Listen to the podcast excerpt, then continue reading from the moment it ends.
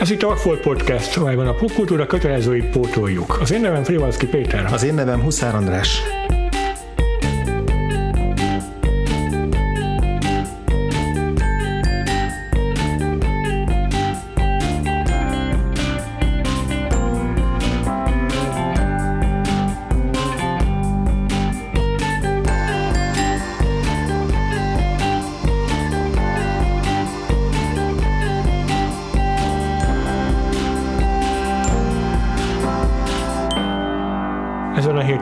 Folytatjuk a Das Neue Kino, a német új hullámnak a tanulmányozását, a három évtized, három német film című blokkunkban. Uh-huh. Most 1984-ben ruccanunk át, tehát 10 évet ugrottunk a, a félelem megeszi a lelket után. Egy Wim Wenders film a témánk, aminek a címe Párizs, Texas. Wim Wenders neve azért valószínűleg minden mozirajongó számára ismerős, hm. máig is aktívan, tevékenyen dolgozó rendezőről van szó. Hm. Leghíresebb alkotásai a Párizs, Texas mellett persze a, a, a Berlin felett az ég Bruno Gantzal, amelyet fel is dolgoztak aztán Amerikában is uh, Nicolas Cage-el. Uh-huh. De arról a filmről már korábban beszéltünk egyébként a Diadalmas Szerelem című, vagy a szóló adásunk kapcsán hasonló vizuális megoldásai miatt, hmm. illetve hát a dokumentumfilmről legalább olyan ismert Wenders, mint amennyire ismert Werner Herzog, akivel egy négy részes blogban már foglalkoztunk. Csak valahogy nem, nem tudom, nekünk szerintem így szívünkhöz közelebb állt Herzog, vagy így legalábbis jobban lenyűgözött bennünket az ő ö, hangvétele, meg hát az is különbség az éketei között, hogy Herzognak a dokumentumfilmje azok inkább így a világot tárják fel, hmm. meg a világnak különböző aspektusait, míg, míg, míg, Werner, míg, bocsánat, míg Wim Wenders leginkább személyekről forgat dokumentumfilmeket. Igen. Ez a film azonban egy játékfilm, amelynek az egyik írója az a Sam Shepard, aki Pulitzer díjat is nyert, már mint író, de szerepeiről is ismert alkotó, és ő az, aki elkezdte írni ezt a filmet, de uh-huh. aztán így valahogy menet közben rájöttek, hogy elkezdték forgatni, mert még befejezhette volna, vagy nem tudom pontosan, de hogy így menet közben is íródott ez a film, de akkor már a Kit Carson nevű író keze által, és hát így gyakorlatilag így, így, így improvizálva íródott és forgatódott egyszerre le ez a film, uh-huh. amely Amerikában játszódik, tehát igazából egy percet nem töltünk Németországban. Szereposztás is teljes mértékben amerikai színészekből áll. Egy valakinek van német akcentusa a filmben. ja igen, és bocsánat, egy német származású színész azért van itt, a Nastasia Kinski, uh-huh. akinek hogy a vérvonaláról már beszéltünk sokat Herzog sem, mert hogy az ő apukája az a Klaus Kinski, aki uh-huh. Herzog alkotótársa. és a film főszerepeiben pedig Harry Dean stanton láthatjuk, hogy nem régen elhunyt Harry Dean stanton valamint Dean Stockwell-t, Mm, illetve amint, ahogy már említettem, Nastasia Kinskit, illetve hát itt van még nekünk Aurora Clayman és Hunter Carson egy kisfiú szerepében. aki az írónak, Kit Carsonnak a kisfia. Mm-hmm. Szóval a film, ahogy mondtam, Amerikában játszódik, és egy félig meddig road movie, mert sok időt töltünk ki különböző tájain, meg különböző államaiban Amerikának. Bejelöljük Közép-Amerikát, meg Kaliforniát is, és hát Wim Wenders, mint mint uh, ugye külső szemlélő tekint erre a uh-huh. vidékre, meg Amerikának a kultúrájára. Erről a témáról is már sokat beszéltünk főleg az elmúlt időszakban, mert hogy nem régen jött ki a szintén európai Martin McDonough filmje, a három óriás plakát ebbing határában, amiről ugye beszéltünk már az Oscaros adásunk kapcsán is, meg hát ismertétek róla a véleményünket már a Twitterről, meg a Letterboxdról is, és beszéltünk erről a filmről már a Herzog uh-huh. filmje kapcsán is, a Sztorosek alatt, a Sztorosek adásunkban, szintén mint német, vagy európai rendező fogalmazott meg valami újdonságot Amerikáról. Úgyhogy szerintem kezdjük is ezzel, Jó. hogy bár ennek a filmnek azért vannak egyéb rétegei is, egy románccal kapcsolatban, meg családdal kapcsolatban, de van, van, egy, van egy ilyen Amerika olvasata is. Mit gondolsz, mennyire tekintjük ezt a filmet egy ilyen, mennyire, mennyire beszél ez a film Amerikáról? Ö, teljesen szerintem.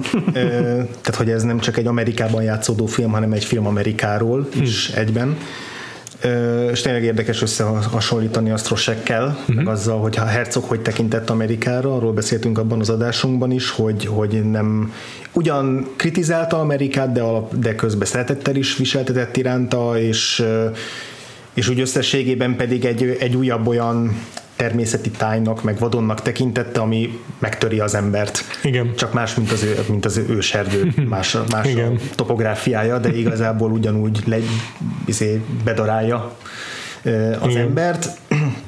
De hogy ezzel együtt kapitalizmus kritikájával együtt úgy tárgyilagosan viszonyult Amerikához is, úgy bemutatta. És szerintem a Wim Wenders pedig egyrészt Amerikáról, de sokkal inkább Amerika mítoszáról akar beszélni. Azt, amit a, ami a filmművészetben van benne Amerikában, ami a westernekben van benne Amerikáról. Az amerikai állam is megjelenik folyamatosan. És ugye a rendező kicsit, mint a francia új hullámosok, hogy így, így az amerikai filmek azok felpesdítették a képzeletüket. Csak míg a francia új hullámnál inkább a formai játékokra mentek rá utána, meg így dekonstruálni, meg, meg, meg játszani akartak az amerikai filmnyelvvel. Uh-huh.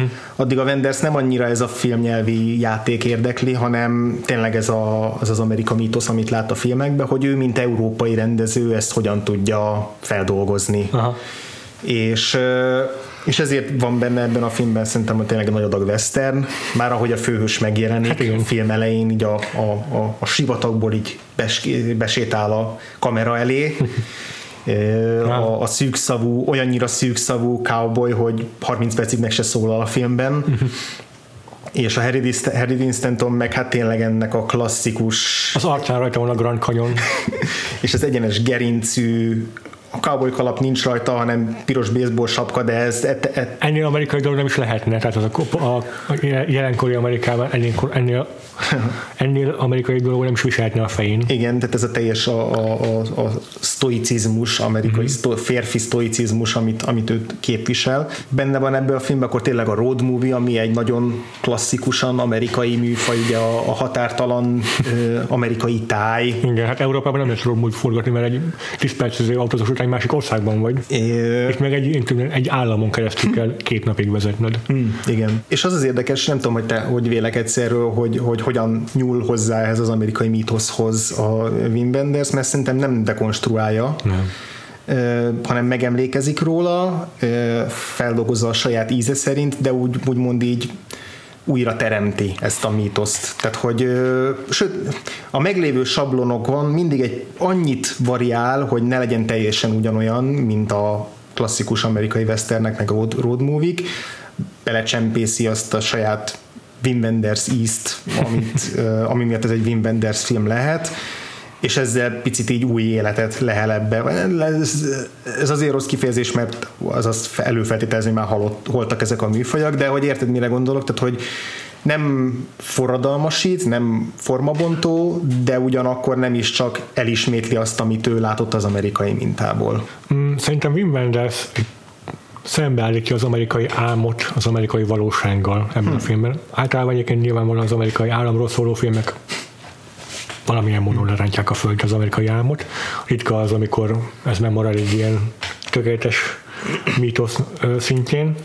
De, de igen, Wim Wenders ezt formálisan is, tehát a filmnyelvi eszközeivel is eléri, mert maga a története is ezt szolgálja, és ezt mutatja be a Amerika különböző tájegységeinek a feltárásával is, hogy hogy egyszerre lássuk azt, a, amit el akarnak érni az amerikaiak, ami, ami, ami felé törekednek, amire vágynak a, az amerikai állam elérésével, illetve az a valóság, ami közben uh-huh. pontosan igazából felnyitja a szemüket arra, hogy, hogy ez egy sokkal nehezebben érhető cél, uh-huh. ö, mint ami ennek külső szemlélő számára tűnik. Hm. Tehát szerintem Wim Wenders erről, akarja, erről akar mesélni, hogy, hogy a külső szemlélőként lehet, hogy jobban látja azt, hogy mivel nem néznek szembe azok, uh-huh. akik maguk megélik az amerikai álmot? Nem tudom. Uh-huh. Tehát, hogy ennek a, ennek a van egyfajta önbecsapása talán? Uh-huh. És hogy nem is, nem is egy ilyen, egy ilyen wake-up call ez a film, amiben így rá akar ébreszteni Amerikát, hogy Nem. ébredjenek föl ebből a önállításból. Nem, ennél sokkal személyközpontúbb, meg karakterközpontúbb a film. Így van. Mint hogy ilyen van, nagy általános igazságokat akarjon hirdetni. Igen, és, és sokkal tényleg a, inkább az esendőségről szól meg, meg sokkal tényleg így, így, így személyhez szólóbb a, a története is.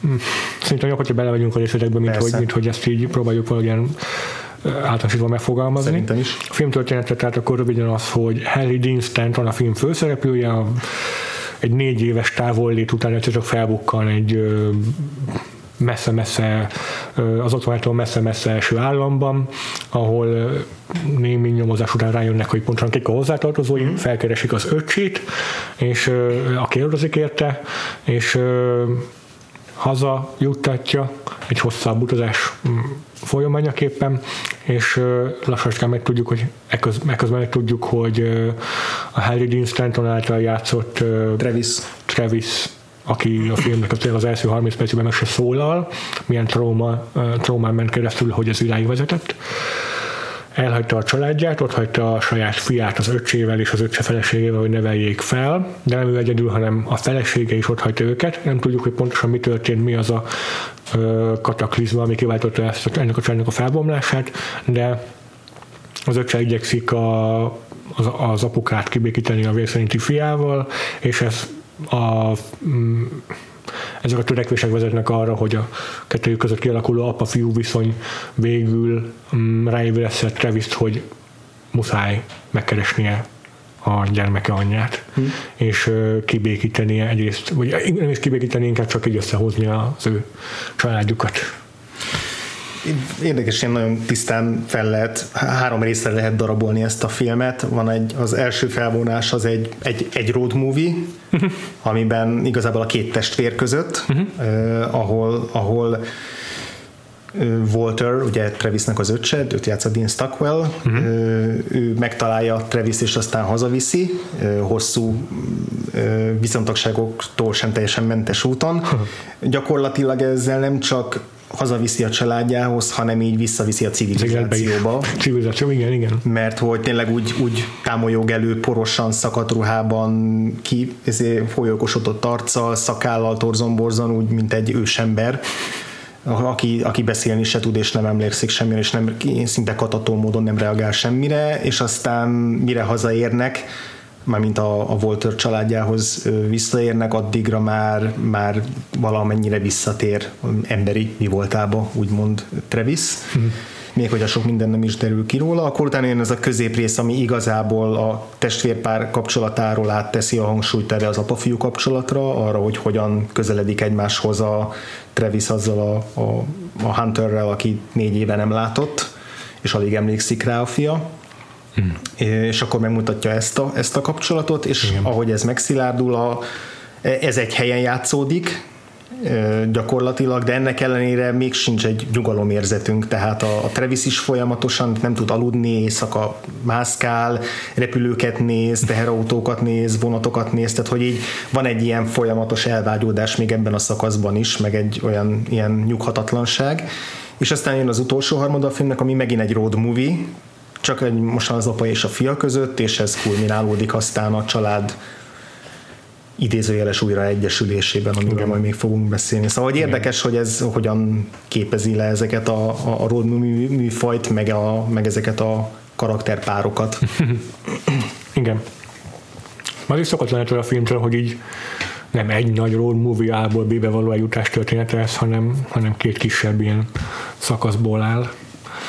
Úgyhogy én egy kicsit így hadilában is állok ezzel a road movie definícióval, uh-huh. mert azért road movie-ra jellemző az, hogy akkor így meglátogatunk több különleges helyszínt, meg ilyen egyértelmű landmarkot Amerikában, uh-huh. és itt is vannak azért ilyenek, mert mit tudom, hogy van az a hatalmas ilyen Brontosaurus szobor a benzinkút mellett, amik így elvileg ilyen amerikai jelképek, de azért nem, nem kifejezetten erről szól a film számomra. Nem, inkább a, a, a, a road movie-nak azok a jellegzetes tereptárgya, amik nem a nagy látványosságok, hanem a, a, a minden az részei. Igen, tehát ezek az útszéli motelek, útszéli vendéglők, hirdetőtáblák, neon izé, ö, feliratok. Meg autókereskedés, meg nem tudom, autóbérlő pontosabban, de igen, igen, ezek így, ezek az ilyen klasszikus ezek a intézmények megvannak, igen. Ez, ezek, ezek vonulnak végig a, a, meg a klasszikus autók, tehát hogy a, Ja.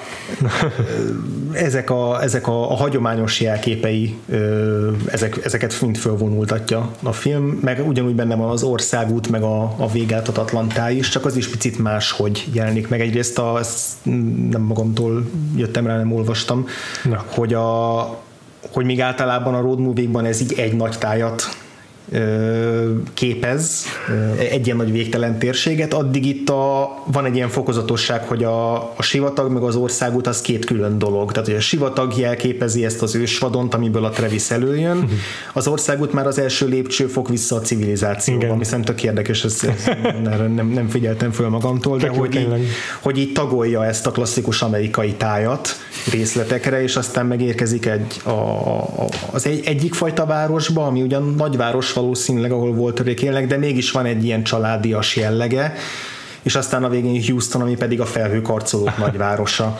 Tehát, hogy ezek, ezek így ilyen fokozatokat jelölnek ki a filmben. Aha. Uh-huh. Tényleg. Elég, elég döbbenetes, hogy a filmet ugye időrendben forgatták le pont amiatt, hogy fogalmuk se volt az elén, hogy mi lesz a vége. Hm. És hogy azért itt azt, tényleg keresztbe kasulják Amerikát, és hogy így egy költségvetésben meg minden, hogy ez hogyan, logisztikailag hogyan jön össze. Erre van egy egyszerű válasz, hogy a film egyetlen államban forgott Texasban. Minden, az összes helyszínt az Texas ö, képezte, és erre a, azt hiszem ezt a Sam Shepard mondta a Wim wenders amikor Wim Wenders ezen aggódott, hogy, hogy, hogy ő is be akarja járni egész Amerikát, és minden, minden részét be akarja mutatni, és akkor a Sam Shepard mondta, hogy igazából, ha Texasban vagy, akkor az teljes Amerika. Ott, ott, ott minden van, a sivatagtól a nagyvárosig és az ég és, és amikor ott, oda ment forgatni, akkor rájött, hogy tényleg tök igaza van, hogy az Amerika mikrokozmosza ez az egyetlen, egyetlen állam. Úgy, nagyon durva, így, hogy így úszták meg a... Igen, Texas mindig úgy képzeljük el így külső nézők, mint a Dallas, mint a Dallasban, hogy egy cowboy kalapos emberek kergetik a lovakat, meg olajokat fúrnak, de közben ott van Dallas, ami az egyik leginnovatívabb fővárosa Amerikának, és itt tele van technológiai cégekkel. Meg, meg ott van Austin, ami meg így a nem tudom, egy alternatív kultúra fellegvára. Mm, igen, szóval elkép, ugye Houston, meg ugye űrkutatás mm. miatt is fontos, tehát így ez mind Texas, basszus. igen. És hát igen, ez, az is érdekes, hogy azért ezeket a különböző helyszíneket nekem teljesen elfette. Tehát, hogy én nem tudtam, hogy ez ugye ugyanaz az állam, és ez azért nagy részben tudható valószínűleg Robbie Müller operatőri munkájának. Mm. Robbie Müller nem csak Wendersnek egy alkotótársa, hanem többször fogadott Jim Jarmussal is, uh-huh. illetve Lars von Trier is, német származású rendező, operatőr egyébként. És hát tényleg a, a színkezelés ennek a filmnek az eleve rettentő markáns, meg fontos, mm-hmm. ugye Wendersnek egy legalább olyan markáns üzenete van a színekkel, mint mondjuk nem tudom, Guillermo del lenne, de, de itt a, a, a plánozás is minden egyes alkalommal jelentőséggel bír, mint hogy a különböző mm, világtájakon járnék hm. ebben a filmben gyakran az egyes helyszíneken.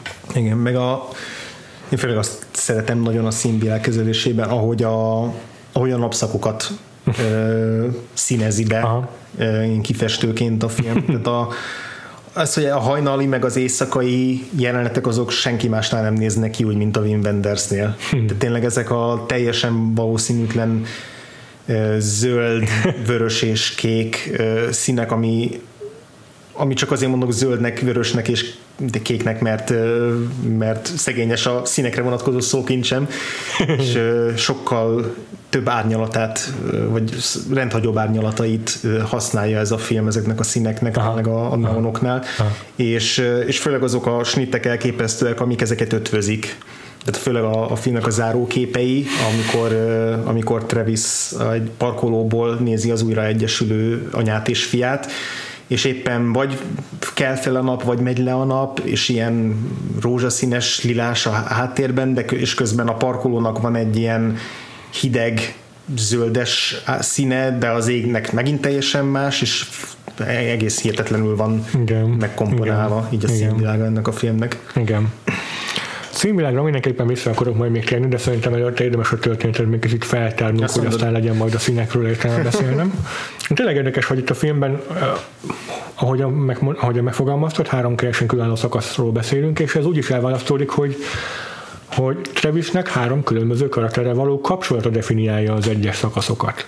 Uh-huh. És az úgy, úgy is elválaszolik, hogy gyakorlatilag az egyik szakaszban így eltűnik az a szereplő, aki a... Tehát, hogy Igen el is határozik olyan szempontból is, hogy a szereplők egyes szakaszban jelennek csak meg.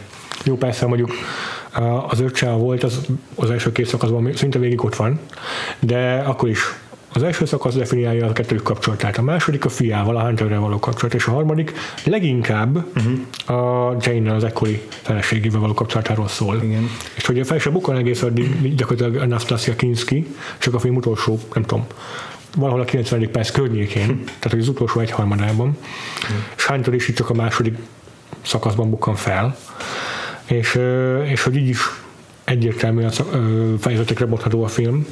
Érdekes lehet tudni a, a forgatókönyv korábbi verzióit, hogy, hmm. hogy uh, olyan, sőt, egyrészt a forgatókönyv korábbi verzióit, meg voltak le is forgatott jelenetek, amik aztán hmm. kikerültek a filmből, és szerintem mindegyik ezek közül rosszabb irányba terelte volna a filmet. Például eredetileg az egész család elment volna a film második felében Jane-t megkeresni, és akkor a, azt hiszem, hogy a, a voltnak a felesége visszafordult volna félúton, a Walter pedig egyszer így az út során így valahogy eltévedt volna a sivatagban, és akkor így ez így visszatükrözte volna azt, ahogy a Travis megjelenik, hogy ő ugyanúgy tűnik el így a sivatagba. Oh. Az nem teljesen szükségtelen és felesleges, oh. és sokkal érdekesebb tovább gondolni a Walteréknek a drámáját, vagy a történetét úgy, hogy elbúcsúzunk tőlük a film egy bizonyos pontján. Aha. Ezen kívül azt is lehet tudni, hogy a Sam Shepard milyen befejezéseket talált ki a filmhez, mielőtt még azt, hiszem, hogy egy másik filmben kezdett dolgozni, és ezért nem ért rá aztán már ah. foglalkozni ezzel a, a, a filmmel később. De eredetileg mindkét, volt valami két befejezést képzelt el, és mind a kettőben a Jane-t elrabolta volna valaki, és, és kényszerítette volna arra, hogy ebben a ebben a pípsós, bordéházszerű helyen dolgozzon, ahol aztán találkozunk majd vele, és akkor az egyikben azt hiszem, hogy a Jane apja valami olajmágnás, és akkor ő fondorkodik ellenük, másikban már nem emlékszem, de ott is valami, szóval ilyen külső tényezők voltak, és ilyen hmm. ki kell szabadítani őt a zsarnoki valakinek a fogságából, és, és akkor erre mondta a, a, a Kit Carson, hogy, hogy nem, ez hülyeség, itt itt az ő hibájuk kell, tehát hogy, hogy az, az, az ő önpusztításuknak kell lennie a folyamányá annak, hogy széthullott ez a család.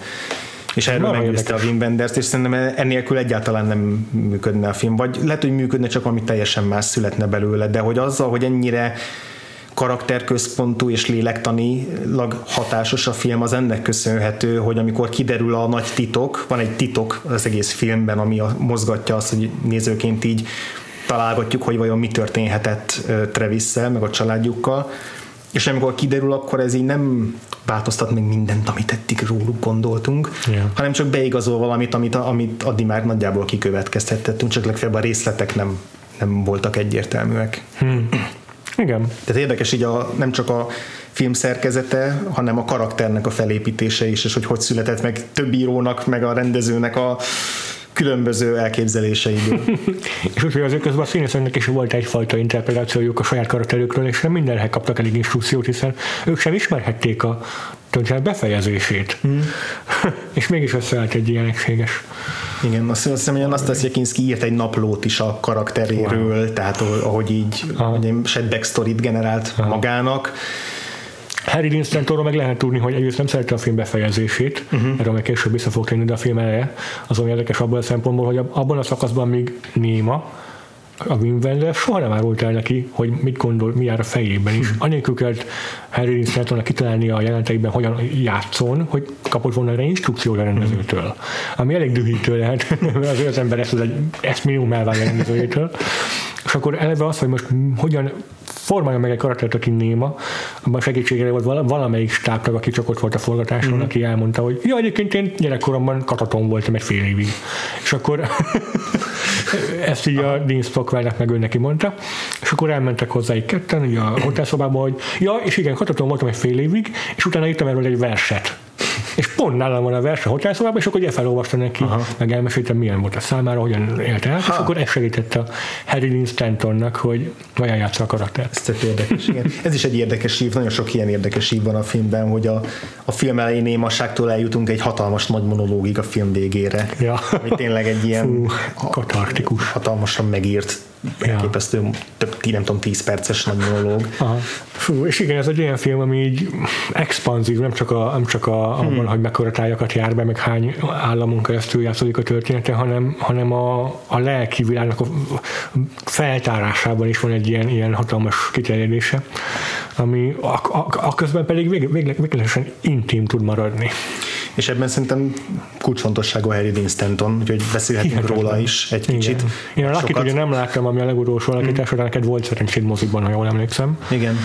Úgyhogy van, van több élményed is Harry Dean Stantonnal, mint főszereplővel. Igen. Én nekem sajnos inkább meleg És igazából gyakorlatilag ez a kettő, ami lehet élményünk vele főszereplőként, mert, mert ha jól tudom, nem volt több főszerepe, hanem mindig Hát talán még a, a, a Repo Man Aha, igen, tekinthető ami pont ebben az igen, a, de ott is inkább talán az Emilio Estevez a főszereplő, Szerintem vagy nem, nem igen. ennyire egyértelműen ráíródott, mint a Lucky, vagy, vagy, vagy ez a film. Uh-huh.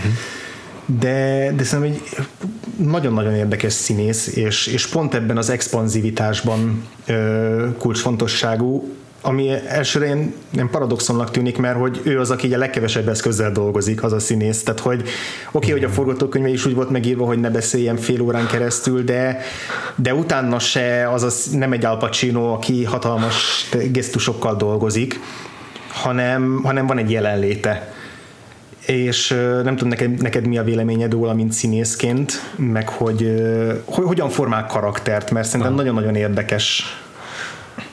Nehéz kérdés, mert azért a színészet mindig egy nehezen megérthető Hm. műfaj, hiszen annyira máshogyan áll hozzá, annyira máshogy közelíti meg rengeteg alkotó, rengeteg színész. Harry Stanton ebben a filmben nekem rendkívül expresszív volt, és a, az arcjátéka, meg a mimikája történeteket mesél el. Már pusztán maga az arca, tehát hogy még se kell mozdítani az arcát, már abban is benne van egy, nem tudom, egy, egy évtized, egy évszázad, egy teljes múlt, egy teljes Amerika, nem, tényleg így valahogy, valahogy magán hordozza azt a századot, amiben él. Mm-hmm. Tényleg, hogy a a film első filmekben egy kukkot nem szól, csak a először egy orvoson, aztán meg a saját öcsével való viszonya. Igazából az ő reakcióikból ismerjük meg őt. Mégis érdekel, leköt ez a karakter, így, így lenyűgöz, meg érdekel, hogy mi a franc van vele. Hogy ez, ez meg tudja teremteni, ez, ez, ez olyan kisugárzás kell, meg olyan jelenlét, amire kevesen képesek. És főleg azért, mert hogy mondhatjuk rá, hogy karizmatikus, de ez nem az, fajta, nem az a fajta karizmatikusság, mint Mint mondjuk Matthew McConaughey. ja, ilyen, vagy Tom Hardy, aki, Aha. akik hasonlóan ö, klasszikus amerikai férfi macsó ideálok, hmm. de, de, de, van, de ez a kisugárzás ez egy ilyen intenzitással jár. És tök nehéz megfogalmazni a Harry, Stanton, Harry Dean Stantonnál, hogy ez hogy jelenik meg, mert hogy igazából ő egy ilyen, olyan, mint egy ilyen tiszta víz, vagy egy, vagy egy nem is tiszta víz, hanem egy nyugodt tóvize. Tehát, hogy így, így nem, nem fodrozódik föl, nem, nem vet hatalmas hullámokat, hanem van egy ilyen, egy ilyen csend és nyugalom, ami jellemzi, ami néha ilyen, mint egy ilyen ürességnek is hathat, Van, mint van, hogy- egy, van egy béke, ami áthatja őt. hogy, hogy, hogy csak úgy ott van a vásznon, de hogy közben meg mindent ki tudsz olvasni belőle. És, és úgy tudsz mindent kiolvas- kiolvasni belőle, hogy nem csak az van, amit mondtál, hogy a Harry Dean Stanton néha nem tudta, hogy most mit kéne gondolnia, vagy, vagy nehéz, nehéz volt kitalálnia a karakter folyamatát, hanem nekünk, mint nézőnek, akik a Harry Dean Stanton figyeljük, néha nehéz megfejteni, hogy ő mit gondol. Annak ellenére, hogy ennyire expresszív, ilyen rejtélyes figura azért egy csomószor, nem? Hogyne, persze. van, van, tehát mivel hogy ennyire keveset közöl, ezért, ezért így sokkal nehezebben megfejthető az lénye. Hát ezt teremti a filmnek az első felében a, azt, ami leköti meg lebilincselni a nézőt, hogy nem tudom, mi lesz a következő lépése. Bármikor nekivághat a sivatagnak. Igen, és még két dolog vele kapcsolatban. Az egyik az, amit az adás elején említettünk, hogy ez a, ez a sztoikus, ilyen Clint Eastwoodi western hős, hogy amiben ő más, az De ő, ő úgy Clint Eastwood, hogy van egy ilyen nem, magabiztossága. nem, pontosan, pontosan. Nem, a, nem azért hallgatog és szófukar, mert hogy ő a kemény, tökös fickó, hanem azért, mert hogy az a belső bűntudatos, az a f- mély, mély, mély fájdalom, ami benne van, azt érzed, hogy ha ennek hangot adna, akkor az így lerombolna mindent benne, vagy nem? Tehát, hogy így Igen. hogy annyira, annyira mély az a belső, amit nem látunk, és annyi mély érzelem van benne, ami néha egyetlen, egyetlen elkönnyesedő tekintetben nyilvánul meg. Igen. Nem kell hozzá több. Ez az egyik, a másik meg, amit még vele kapcsolatban gondolok, hogy nagyon sokféle szerepe van, tehát hogyha a Krisztus utolsó megkísértésében a Pálapostól, az Aha. tök más, mint Travis, és Travis tök más, mint a Twin Peaks-es karaktere, és az pedig teljesen más, mint a, az Alienből a Brett. És ez mégis úgy, úgy, úgy apostrofáljuk őt, mint egy karakterszínész, uh-huh. ez annyira nem igaz, annyira meghazudtolja őt. Igen, és, és az se igaz, hogy mindig saját magát adja. Aha. Annak ellenére, hogy nyilván rengeteg-rengeteg ilyen, nem is csak biográfiai egyezés fedezhető föl, hanem alkati, meg hmm. természeti egyezés a, mondjuk a travis pont. De hogy mégse azt érzem, hogy itt van ez az ember, aki csak így besétál a, nem tudom, a forgatásra, és akkor ráirányítják a kamerát, és nem csinál semmit, és ebből megszületik valami. Nem, nem egy olyan, mint a Michael Shannon, hogy belesük a filmbe, és akkor megvan a főgonosz, mert tudod, hogy ő a főgonosz. Igen. Pedig ő is nagyon sok oldalon, meg rengeteg szerepéről lehet tudni, hogy azért árnyaltabb ennél adottságú, de hogy tudod. Igen. Mert akkor, akkor ott van a főgonosz. Igen, Harry Szentorról tudod, hogy milyen alkat, de nem tudod, hogy ez, ez az alkat éppen milyen karakterhez fog társulni.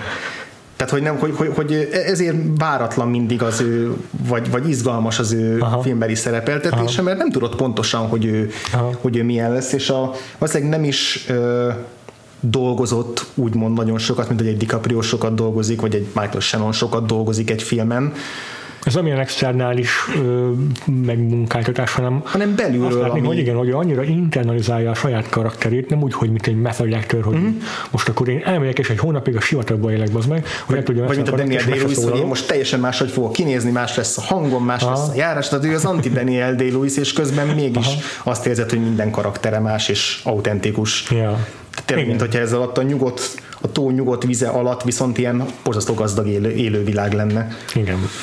És megint csak egy olyan filmről beszél, mint a múlt heti, hogyha a főszereplő alakítása csak egy, egy, egy fikasznyit és hamiskásabb lenne, az egész film szétesne. Igen, vagy, vagy sokkal cheesy lenne, Aha. mert ezt a néma karaktert, aki nem beszél, és kicsit ilyen fogyatékosnak is tűnik, ezt el lehetne játszani sokkal nem gicsesebben, gicsesebben igen, igen, igen, igen, igen, igen és főleg, hogy benne van ez az amerikának, meg ez a fajta kicsit emelkedettség, így aztán még könnyebben elrugaszkodhatna egy ilyen hamiskásabb hangvétel ez a film, de nem, mert pont azért, mert van egy ilyen megbízhat, egy ilyen erőskező rendező, meg egy ilyen határozott főszereplő, így, így, így lesz egy ilyen tökéletes uh-huh arányú kettőség ebben uh-huh. a filmben, ami, ami, amit megfogalmaz Wenders. Uh-huh. Beszéljünk a film második szakaszáról, uh-huh. a fiával való viszonyáról, mert az az, ami leginkább árnyalja az ő sebezhetőségét, mint színész szerintem. Uh-huh. A kis, kisrát is fantasztikus, bár így kicsit ez a bármelyik amerikai szőke kisrác típusú hm. külsőre, igen. vagy igen, külsőre, de, de, de olyan annyira szerethető a kapcsolatuk, annyira imádni való őket nézni a vászon együtt. Uh-huh. Igen, nagyon jó dialógusokat írnak a kisrácnak, tehát azt tetszik, hogy a, a beszéd stílusa is olyan, mint amilyen egy hány nyolc éves lehet, én azt hiszem nyolc éves a, a, a fiú, hogy amikor így mesél valamiről, mondjuk ilyen, ő ilyen sci meg, meg, meg űrmániás, tehát yeah. Star Wars-os a, izé, a az egész hálószobája, meg a figurái, és a Houstonban meg a izé izgatja a legjobban ott az űrkutatás. Meg egy názás is van. Igen, és hogy amikor ezekről mesél, akkor is az, az, tehát úgy van megírva a dialógus, hogy gondolatban már előbbre tart, mint a szavaiban. Tehát, hogy így elkezd beszélni, beszélni, de aztán így vissza, visszakoznia kell, és újra kell formálni a mondatot, mert úgy éri be a gondolatait. És ezt nem tud, tehát általában a filmes gyerekeknél is ilyen nagyon szépen kereken meg vannak írva a mondatok, vagy nagyon le vannak butítva, és, és nála meg, nála meg tök természetes volt az ahogy, az, ahogy ő beszél, az, ahogy újra-újra kezdi a mondatait, ahogy így elakad, ahogy elkalandozik a figyelme mondat közben. Egyik kedvencem az, amikor a, egyik osztálytársa kérdezi a utóoldalán a Harry Dean hogy kicsoda, és akkor elkezdi mondani, hogy ő, a, ő az apám fivére, nem mindketten fivérek, mindketten apák, és akkor a kérdezi a kisrác, hogy az hogy lehet, és így nem tudom. Igen. Ebben biztos, hogy kult szerepe volt annak, hogy a saját apukája írta az ő dialógusait, hm. ezt a Kit, a Kit Carson. Jó, persze, oké, hogy a forgatókönyv első felében a Sam Shepard hm. dolgozott, de szerintem nyilván megtette azt a Kit Carson, hogy visszament és átírta hm. a dialógusokat, amiket a kisfiúnak írtak, és hát ő meg saját fiáról van szó, tehát pontosan tudja, hogyan mm. beszél, mm. pontosan tudja, hogyan gondolkodik. Aha. Tehát, Rá tudta szabni. Ez egy ilyen tökéletes, Aha. unikális együttállása volt valószínűleg a megfelelő írónak a megfelelő gyerekkel, megfelelő helyen, hogy az így összejöhetett. Igen, és tényleg nagyon szépen közelítik őket egymáshoz, tehát valahogy egy pillanat is a természetellenes az, hogy, mm-hmm. hogy a végén aztán együtt mennek el egy egy, egy, együtt vágnak neki az országútnak, ott hagyva azokat a szüleit, akit, akik felnevelték gyakorlatilag a, a fiút. Tehát, hogy szépen végig van vezető, hogy hogyan közelednek egymáshoz. Ezeknek az emberi kapcsolatoknak az őszintesége, meg egyszerűsége is gyakran eszembe juttatta egyébként a Fassbinder filmjét, mm. a, a Félelem megeszi a lelket, amit előző héten láttunk, mert uh, itt is kult szerepe van ennek, hogy, hogy meghatóak legyenek ezek a kapcsolatok, és ez a film is ugyanolyan megható volt számomra, és ugyanolyan mosolyogva, de közben könnyező szemmel néztem még az egészet. Igen. És szépen körbejárja ezt az egész szituációt, ami, ami megbonyolítja a filmet, hogy tényleg itt van ez a két ember, ez a házaspár, akik fölnevelték a fiút a sajátjukként, pedig nem lett volna kötelező. Igen. sajátjukként szeretik, és a fiú is szereti őket, de közben tisztában vannak azzal a veszéllyel, hogy a, hogyha visszajön a, visszajött a Travis, akkor mi van, hogyha elveszítik a fiút. Igen. Tehát, hogy, és azért ez, tehát ez, nem, ez egy nem könnyű helyzet, tehát amikor, amikor úgy, úgy engedjük el ezt a, ezt a két nevelőszülőt, hogy lehet, hogy tényleg nem látják többet a, a fiúkat. Tehát, hogy azért ez, ez, ez egy nehéz, nehéz helyzet. és, és nincs semmiféle ilyen izé, melodramatikus túlzásokkal az, hogy a kényszeríti a fiút, hogy vele menjen, vagy, vagy, vagy egyszerűen csak, hogy a Travis ez annyira önfejű lenne, hogy ő bele se gondol abba, hogy mit tesz, nem ő rákérdez a fiúnál, hogy biztos-e benne, tudja, hogy ez mivel jár, bármikor visszamehet, ha szeretne, de ugyanakkor tiszteletbe tartja a döntését, és, és örül, hogy vele tart a fiú. Tehát, hogy nem, nem, nem is tőle származik az ötlet, ő csak annyit mond, hogy megy, és meg, meg, meg kell keresnie a, a Jane-t. Az is tökéletes momentum, mikor tudja Travis, hogy muszáj uh, azért valamit, tehát hogy nem, nem hagyhatja csak úgy szólni az öcsét meg az öccse mm. feleségét, és így haza kell szólniuk, de ő, ő, nem, ő nem képes megtenni, tehát ő nem tud egyszerűen a telefonba mm, szólni a saját testvéréhez, hogy elvitte a fiúkat, a nevel fiúkat, ezért a kis srácot kéri meg, ami egy rossz döntés. De, Igen? Hát abban az értelemben, hogy azért nem korrekt dolog szerintem. Mm. Tehát nyilván hagyja beszélni a, fiát, a fiút is a nevelő anyjával, de az, hogy egy szót nem tud szólni hozzájuk, miközben azért mégiscsak ő a mm. felelősséges felnőtt, aki ezt a döntést meghozta a fiú nevében is. Mm. De ugyanakkor én meglátom benne a logikát is az ő részéről. Igen, hát igen, az, pont ez benne a lényeg, hogy... Tehát az, hogy ő, ő úgy mond, hogyha így felnőttként kezeli a fiút, akkor azt mondja, hogy mivel az az ő döntése volt, az ő felelőssége is, hogy beszéljen a szüleivel, ami lehet, hogy kívülről nézve megfutamodásnak is tűnhet, vagy gyávaságnak az ő részéről, de és, és nem értek vele én se teljesen egyet, hogy, hogy, hogy a fiúra testálta ezt a felelősséget, de ugyanakkor mégis van benne valami olyan, hogy ő, ő egyenrangú félként kezeli a fiát, és, és azt mondja, hogy, hogy, tehát, hogy azért kell, nem, nem csak az, azért kell neki beszélni a szüleivel, mert hogy ő döntött úgy, hogy, hogy Szerintem ez inkább csak racionalizáció, megfelelőség, mm. hárítás kicsit, de, de nekem működik azon a szinten is a történet, hogy, hogy a Travis az hát tudok vele empatizálni, mm. és tudom elfogadni azt, hogy nem volt ki, nem, tudja, nem tud szembenézni ezzel a helyzettel, mm-hmm. és inkább a fiút veszi rá, hogy beszéljen a saját nevelőanyjával. Mm. Szóval a film második szakaszát az kb. ez a kettődik kapcsolatot teszi ki a fiával, és akkor a harmadik szakaszba jutunk el azokhoz a revelációkhoz, uh-huh. amelyek kicsit új megvilágításba helyezik a Travis karakterét, meg megismerjük azt, hogy pontosan mi volt a családnak a szétszakadásának a története. Igen, korábban ugye egyedül egy ilyen házi videóban látjuk azt, hogy, hogy volt egy boldog időszakok, amit a Hunter már látott uh-huh. korábban, és ez az egyetlen emléke az anyjáról tulajdonképpen, mm. és, a, és akkor ott látjuk azt, hogy a, a Travis szemével azt, hogy hogy milyen kapcsolata volt nála jóval fiatalabb Jane-nel, de hogy így az egy, az egy békés, boldog és meghitt kapcsolatot ábrázol az a videó, amit, amit látunk, és, és ami szemlátomás még mindig nagyon megviseli a, mm. a Travis-t. Igen, igen. És végül a az anyukára Anastasia Kinski által játszott Jane-re egy bordélyházban találnak rá, mm. ahol az által már leírt ilyen peep show-ban szerepel Jane, és hát nem látja sose a, a klientúráját, úgyhogy meg tudja, hogy tud látogatni Travis, hogy nem nincs tisztában Jane azzal, hogy ki jár nála éppen. Mm-hmm és uh, azt a három látogatást tesz nála? Három alkalommal? Kettő. Kettő? Kétszer, Kettő. Igen. És uh, második alkalommal mondja el neki, hogy, hogy, uh, hogy valójában ő kicsoda. Mm. És ezek a jelenetek, ezek nagyon Ezek, ezek nagyon tényleg úgy vannak megírva, mint egy színdarab, mint egy kamaradráma.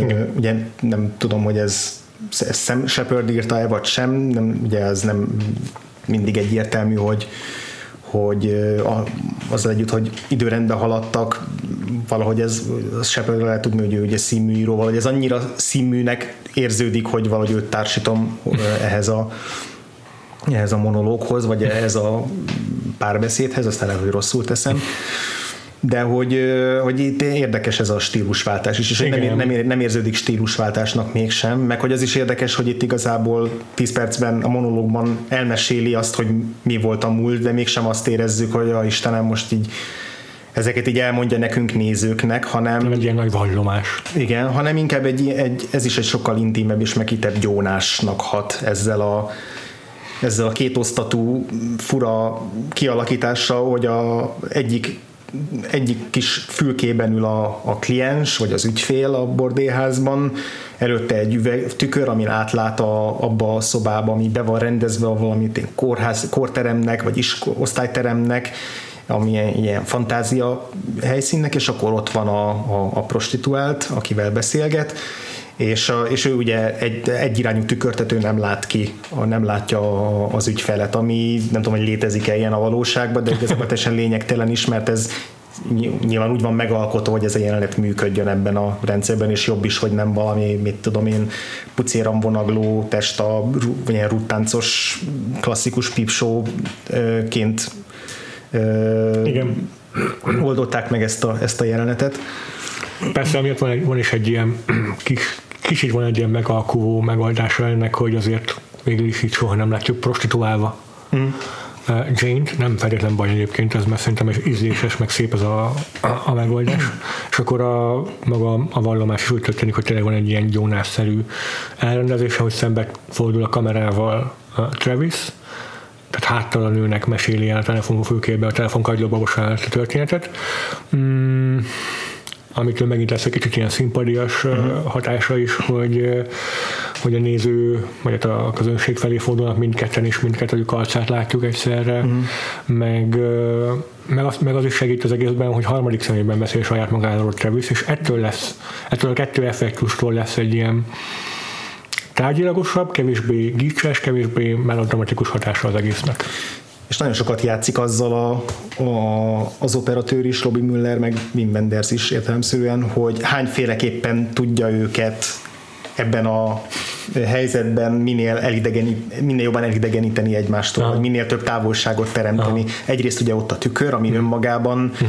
nem teszi lehetővé, hogy akár csak megérintsék egymást, vagy, vagy bármilyen fizikai kontaktus létesüljön közöttük. Uh-huh.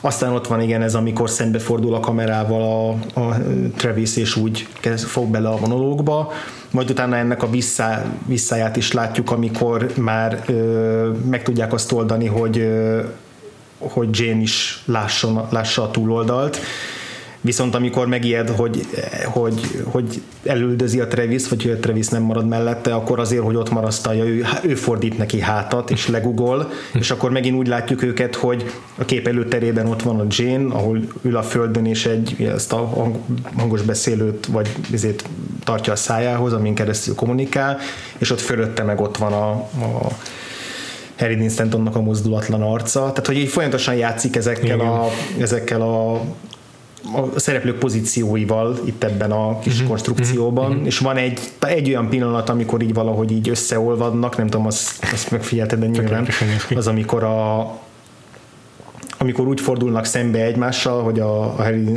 a, a Travis leül vele szembe, és a, a tükörképe az pont rávetül a Jane-nek az arcára, és akkor így egyesül a, Igen. a két arcuk, ami persze úgy egyesül, hogy az egyikük arca kitakarja a másikat, tehát még ez se teljes egyesülés, de hogy mégis ott valami, valami létrejön köztük.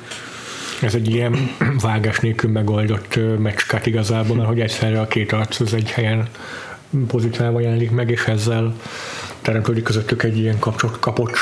Igen, és érdekes figyelni a jelenet, a két beszélgetésük során azt, hogy vajon a, a Jane mikor ismeri föl, hogy a Travisről van szó, mm-hmm. és mm-hmm. lehetne hiteltelen az, hogy nem ismeri föl a hangját, és hogy a egyik beszélgetésnek csak a felénél, amikor már olyan konkrét eseményeket idéz föl a közös múltjukból, ami már csak rá vonatkozhat, addig, addig azt mondogatja, hogy ó, igen, ez ismerős. ismerős a helyzet, én is átéltem hasonlót, és akkor egy bizonyos ponton már mm. látszik, hogy egyértelmű, mm-hmm. de, de egyrészt én a Nastasia Kinski alakításában végig azt éreztem, hogy sokszor felmerül benne az első pillanattól vannak olyan, olyan arckifejezés, amikből úgy tűnik, hogy valami valami ismerős, de aztán elnyomja ezt az érzést, uh-huh, uh-huh, uh-huh, hogy, hogy valami felkavarja, és akkor föltesz egy olyan kérdést, ami többféleképpen is értelmezhető, de aztán, aztán úgy folytatja tovább, mint ami se történt volna. Illetve elhangzik egy fontos dialóg részlet, amikor azt mondja, hogy amikor elkezdett itt dolgozni, előtte is mindig képzeletben be, pár beszélgetéseket folytatott a Travis-szel, uh-huh. aztán egy idő után eltűnt a hangja, de amikor itt elkezdett dolgozni, akkor minden férfiban őt hallotta, minden ügyfélben és ez szerintem elég magyarázat arra, hogy amikor megjelenik a ja. Travis, akkor, akkor ne, ne gondolja azt, hogy csak a képzelettel játszik vele. Hm.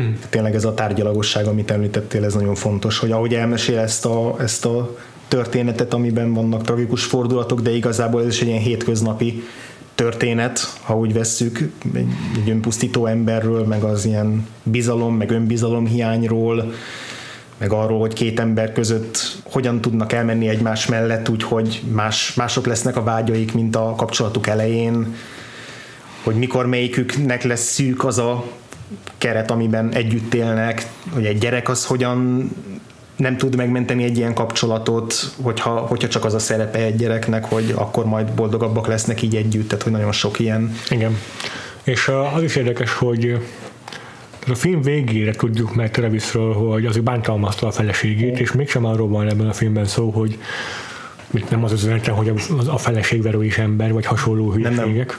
Tehát, hogy tök érdekesen sikerül ezt érzékenyen meg, megoldani a Wim Wendersnek, hogy mindketten átadtak egymásnak, fizikailag is, és uh, mégsem arról szól feltétlenül ez az egész kapcsolat, meg az egész történetnek az elmesélése, hogy, hogy hogy árnyalja feltétlenül ezt a egyébként elég súlyos mm, atrocitást, de mégis van egy feloldozás ennek a, ez egy feloldozás történet. Hmm. De inkább saját magaddal való hmm. szembenézésről szól, ez egy saját magaddal való megbékélésről sem, mint a egymásnak megbocsátásról. Hmm. Na igen, igen, igen, ez, ezzel teljesen egyetértek is.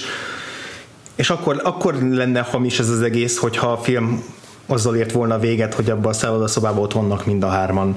Ugye ez volna Harry Dean Stanton vágyott befejezése, hogy, hogy hogyan lehet ő együtt a gyerekével, meg a um, szerelmével, de Wenders nem tudta eltántorítani attól, hogy így befejezze, így fejezze be a filmjét. És, és szerintem ez, ez egy nagyon fontos döntés, mert hogy itt egy olyan emberről van szó, aki egyrészt nem is az, hogy nem tud megbocsátani saját magának, hanem... Nem is hajlandó szerintem szembenézni ezekkel a dolgokkal, azért felejtette el hosszú időre. Nem teljesen, tehát valahogy én azt érzem, hogy amikor kijön a sivatagból a film elején, hogy volt ez a négy év, addigra egy tisztába jött saját magával. És inkább nem az, hogy, hogy most akkor ő megbocsásson-e saját magának, hanem belássa azt, hogy voltak olyan dolgok, amiket tett, amik megbocsáthatatlanok, és, és, és ezért nem is fog nem, nem is azért keresi fel a Jane-t, hogy itt most feloldozást nyerjen uh-huh. tőle, amit te is uh-huh. mondtál, hogy nem egymástól várnak feloldozást.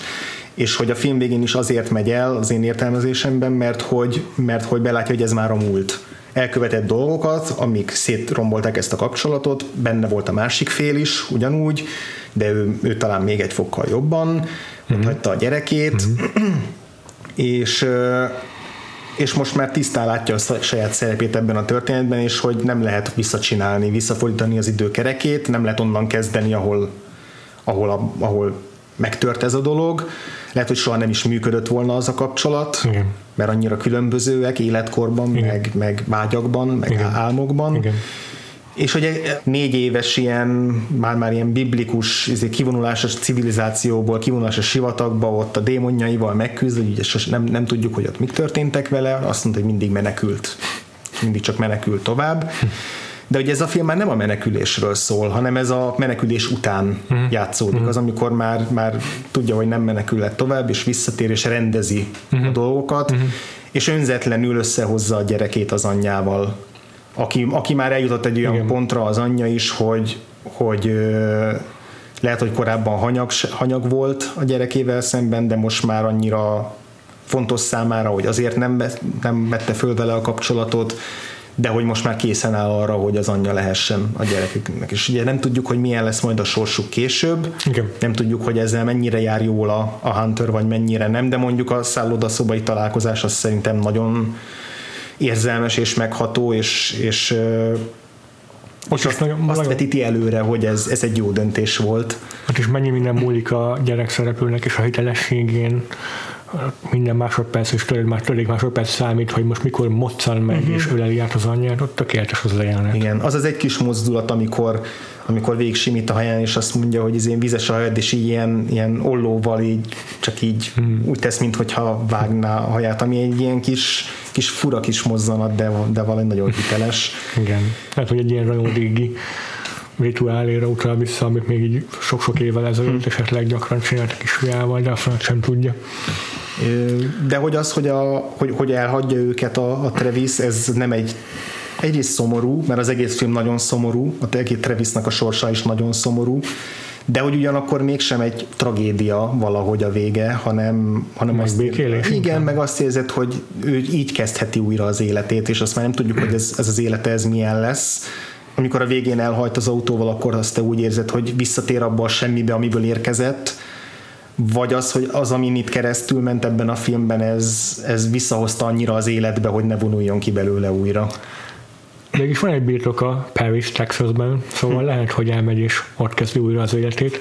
Az, hogy pontosan hogyan fog ez megtörténni, hogyan valósítja meg a, a, az újrakezdést, az hm szerintem részletkérdés, hogy tényleg az a film befejezése, az az értelme, vagy a, ez hülye szó, de hogy az a film mondani valója a travis ami, hogy, hogy lemond az amerikai államról, mm. és, és szembenéz a, a valósággal mm-hmm. abban az értelemben, hogy, hogy a felelősséggel, fontosabban inkább ez a jó szó erre, mm. és, és megtanulja a, az ezzel járó kihívásokat, és így tud akárhol, akármilyen módon de újra kezdeni. Most az tényleg részletkérdés, hogy ez konkrétan Paris, Texas városában történik azon az birtok, amit megvásárolt, vagy mm. hogy hol. Igen, de hogy ez, ez egy újrakezdés, igen, és nem egy... Igen, igen, igen, igen nem egy bukás, vagy nem, Aha, egy, nem, nem, nem, az élete vége. Tehát, hogy hmm. amikor én amikor először láttam a filmet, akkor nekem az, annyira szomorú volt az, az egész beszélgetés a Anastasia Kinskivel, meg a,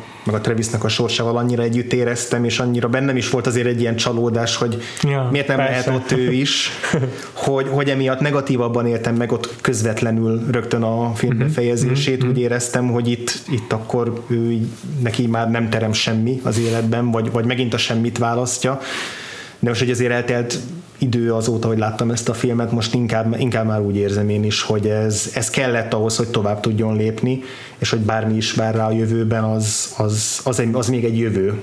Igen. Igen, igen, igen. És, és nem, nem pedig a, a nagy semmi, amit a táj ugyanúgy jelképezhetne. igen. De igen, egyébként az érdekes, hogy a, hogy a Harry Dean Stantonnak ez, ez, ez mennyire, ez fájt. ez mennyire fájt, mennyire nem tetszett, de biztos annyira együtt érzett ezzel a karakterrel. Egyébként azt mondja, hogy ez a pályájának az egyik csúcs, csúcspontja. Tehát, hogy az egyik kedvenc filmje, meg hmm. kedvenc hmm. szerepe. Hmm. Még ezzel együtt is, hogy, hogy volt Igen. ilyen kifogása ezzel szemben. Meg hát ugye azért voltak egyéb problémák is a vendors aki tudnak kapni néha instrukciókat. Ennek egy örvendetes, hogy jó emléként maradt meg benne a film. Hmm, igen.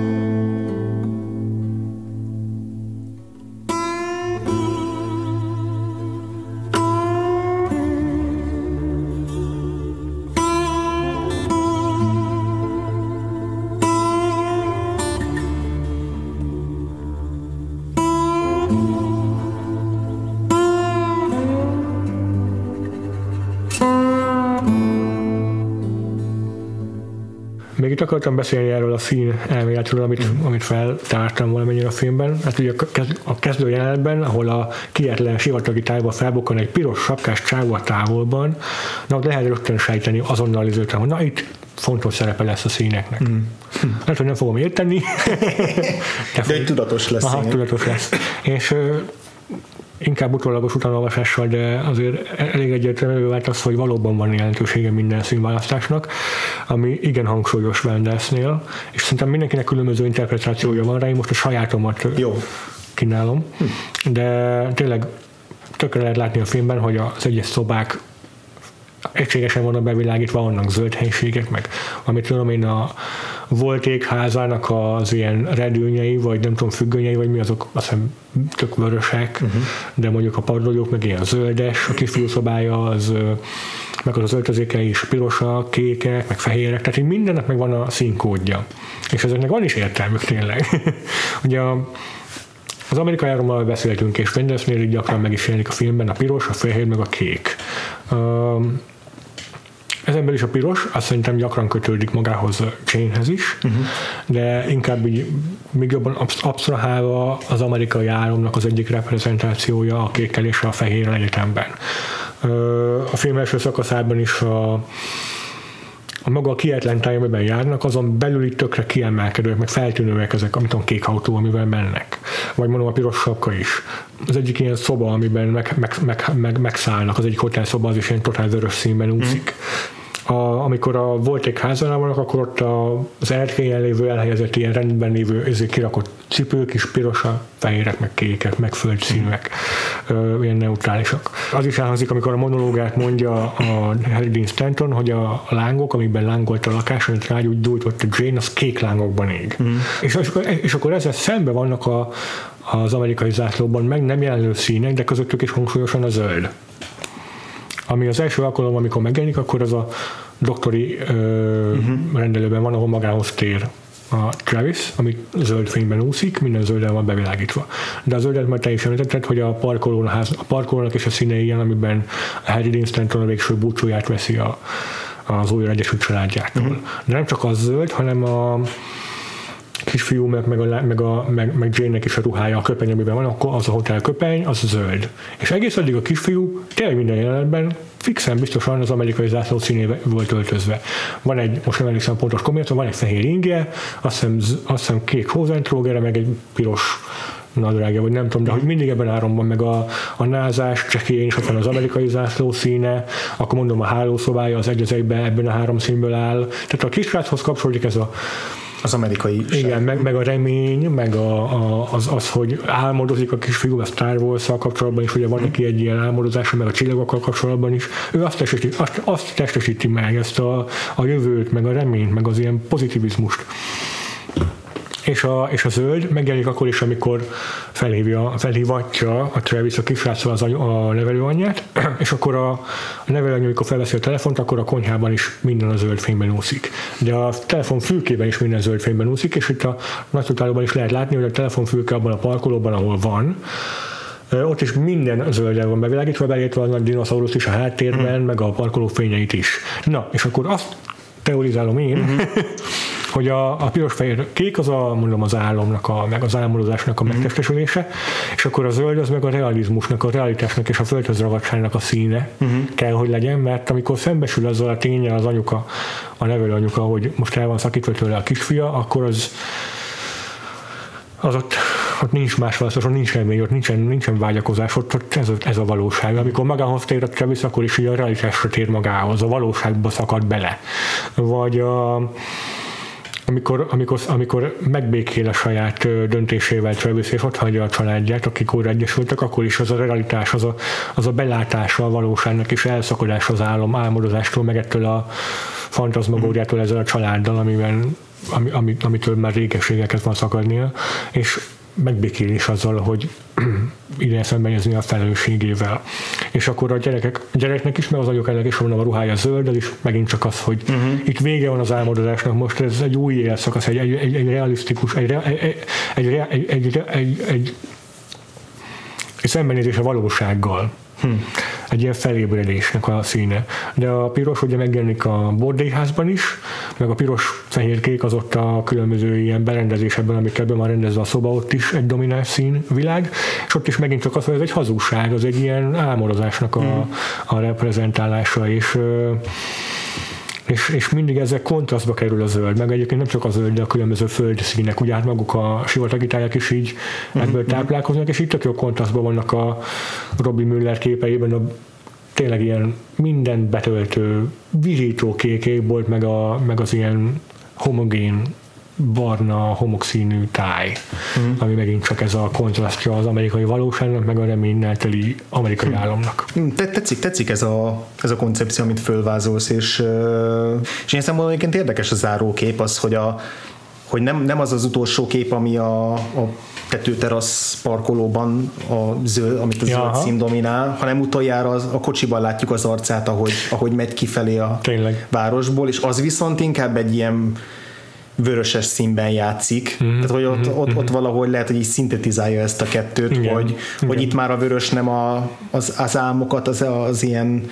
ö, valószerűtlen ábrándokat jelképezi, hanem egy olyan amerikai valóságot, ami, ami mégis egy optimis, optimista mm. jövőbe mutatást jelent, vagy valami ilyesmi. Tehát egy érdekes, hogy, a, hogy ez, ez az utolsó szín, amivel, amivel elengedi a szereplőt, és talán még mint a mosoly is megjelenne a Harry Dean Stanton arcán. Igen, de egyértelmű, hogy érdemes ezzel a szemmel külön végignézni a hmm. filmet, mert hogy így tényleg olyan irreálisan egyértelműek a színválasztások, hogy egy autóreflektor nem lesz olyan vörös soha, mint amire a kocsiban tud lenni, a filmben tud lenni. Igen.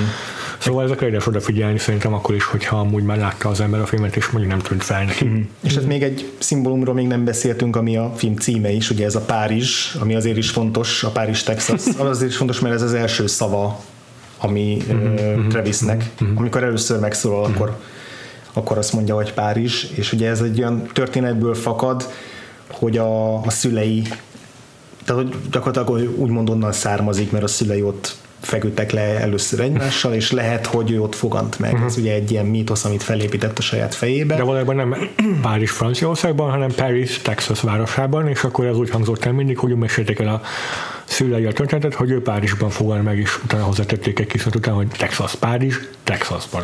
Igen, de hogy az apja ezt annyiszor elmesélte ilyen poénként, hogy egyébként már maga is elhitte, hogy, hogy, hogy, hogy a felesége tényleg párizsi származású, és ez szépen összhangba hozható azzal, amit, amit mondtál ezzel a, az álmok kal és a való, álmok és a valóság szembeállításával ebben a filmben, hogy, hogy ez, a, ez a történet is ezt jelképezi, ja. hogy mi a valóság, és ehhez képest mi az az ábránd, amit így ráépítettek a, a, a családban, és, és hogy mi az a családi múlt, amivel a Travis viaskodik, ugye az apja, aki alkoholista volt, meg aki valószínűleg nem becsülte meg annyira az édesanyját, és hogy ezt ő is így tulajdonképpen ezelől menekült volna, de újra úgy, ő maga is ugyanebbe a csapdába esett, és hogy ezt akarja megtörni ezt a körforgást, és, és ezért is érdekes, hogy a hogy Párizs, Texas, vagy Párizs, Texas az, ahova visszavágyik, és a filmben eredetileg még konkretizálni is akarták, hogy még egy utolsó záró jelenetben megérkezik erre a, erre a kis telekre, ja. amit megvet magának, de aztán nem akarta ennyire specifikus lenni a Wim Wenders, hanem ennél általános. Ennyi jobban nyitva akarta hagyni a filmet, hmm.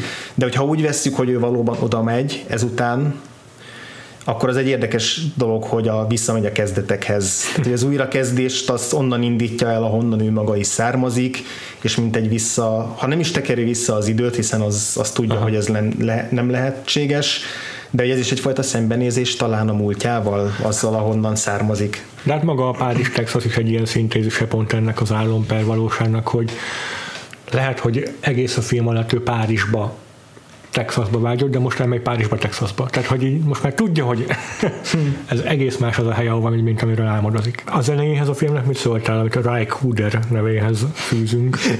Emlékszem, a Strossekes adásban emlegetted ezt az ilyen kis tingli-tangli country zenét, ami ilyen nagyon gicses.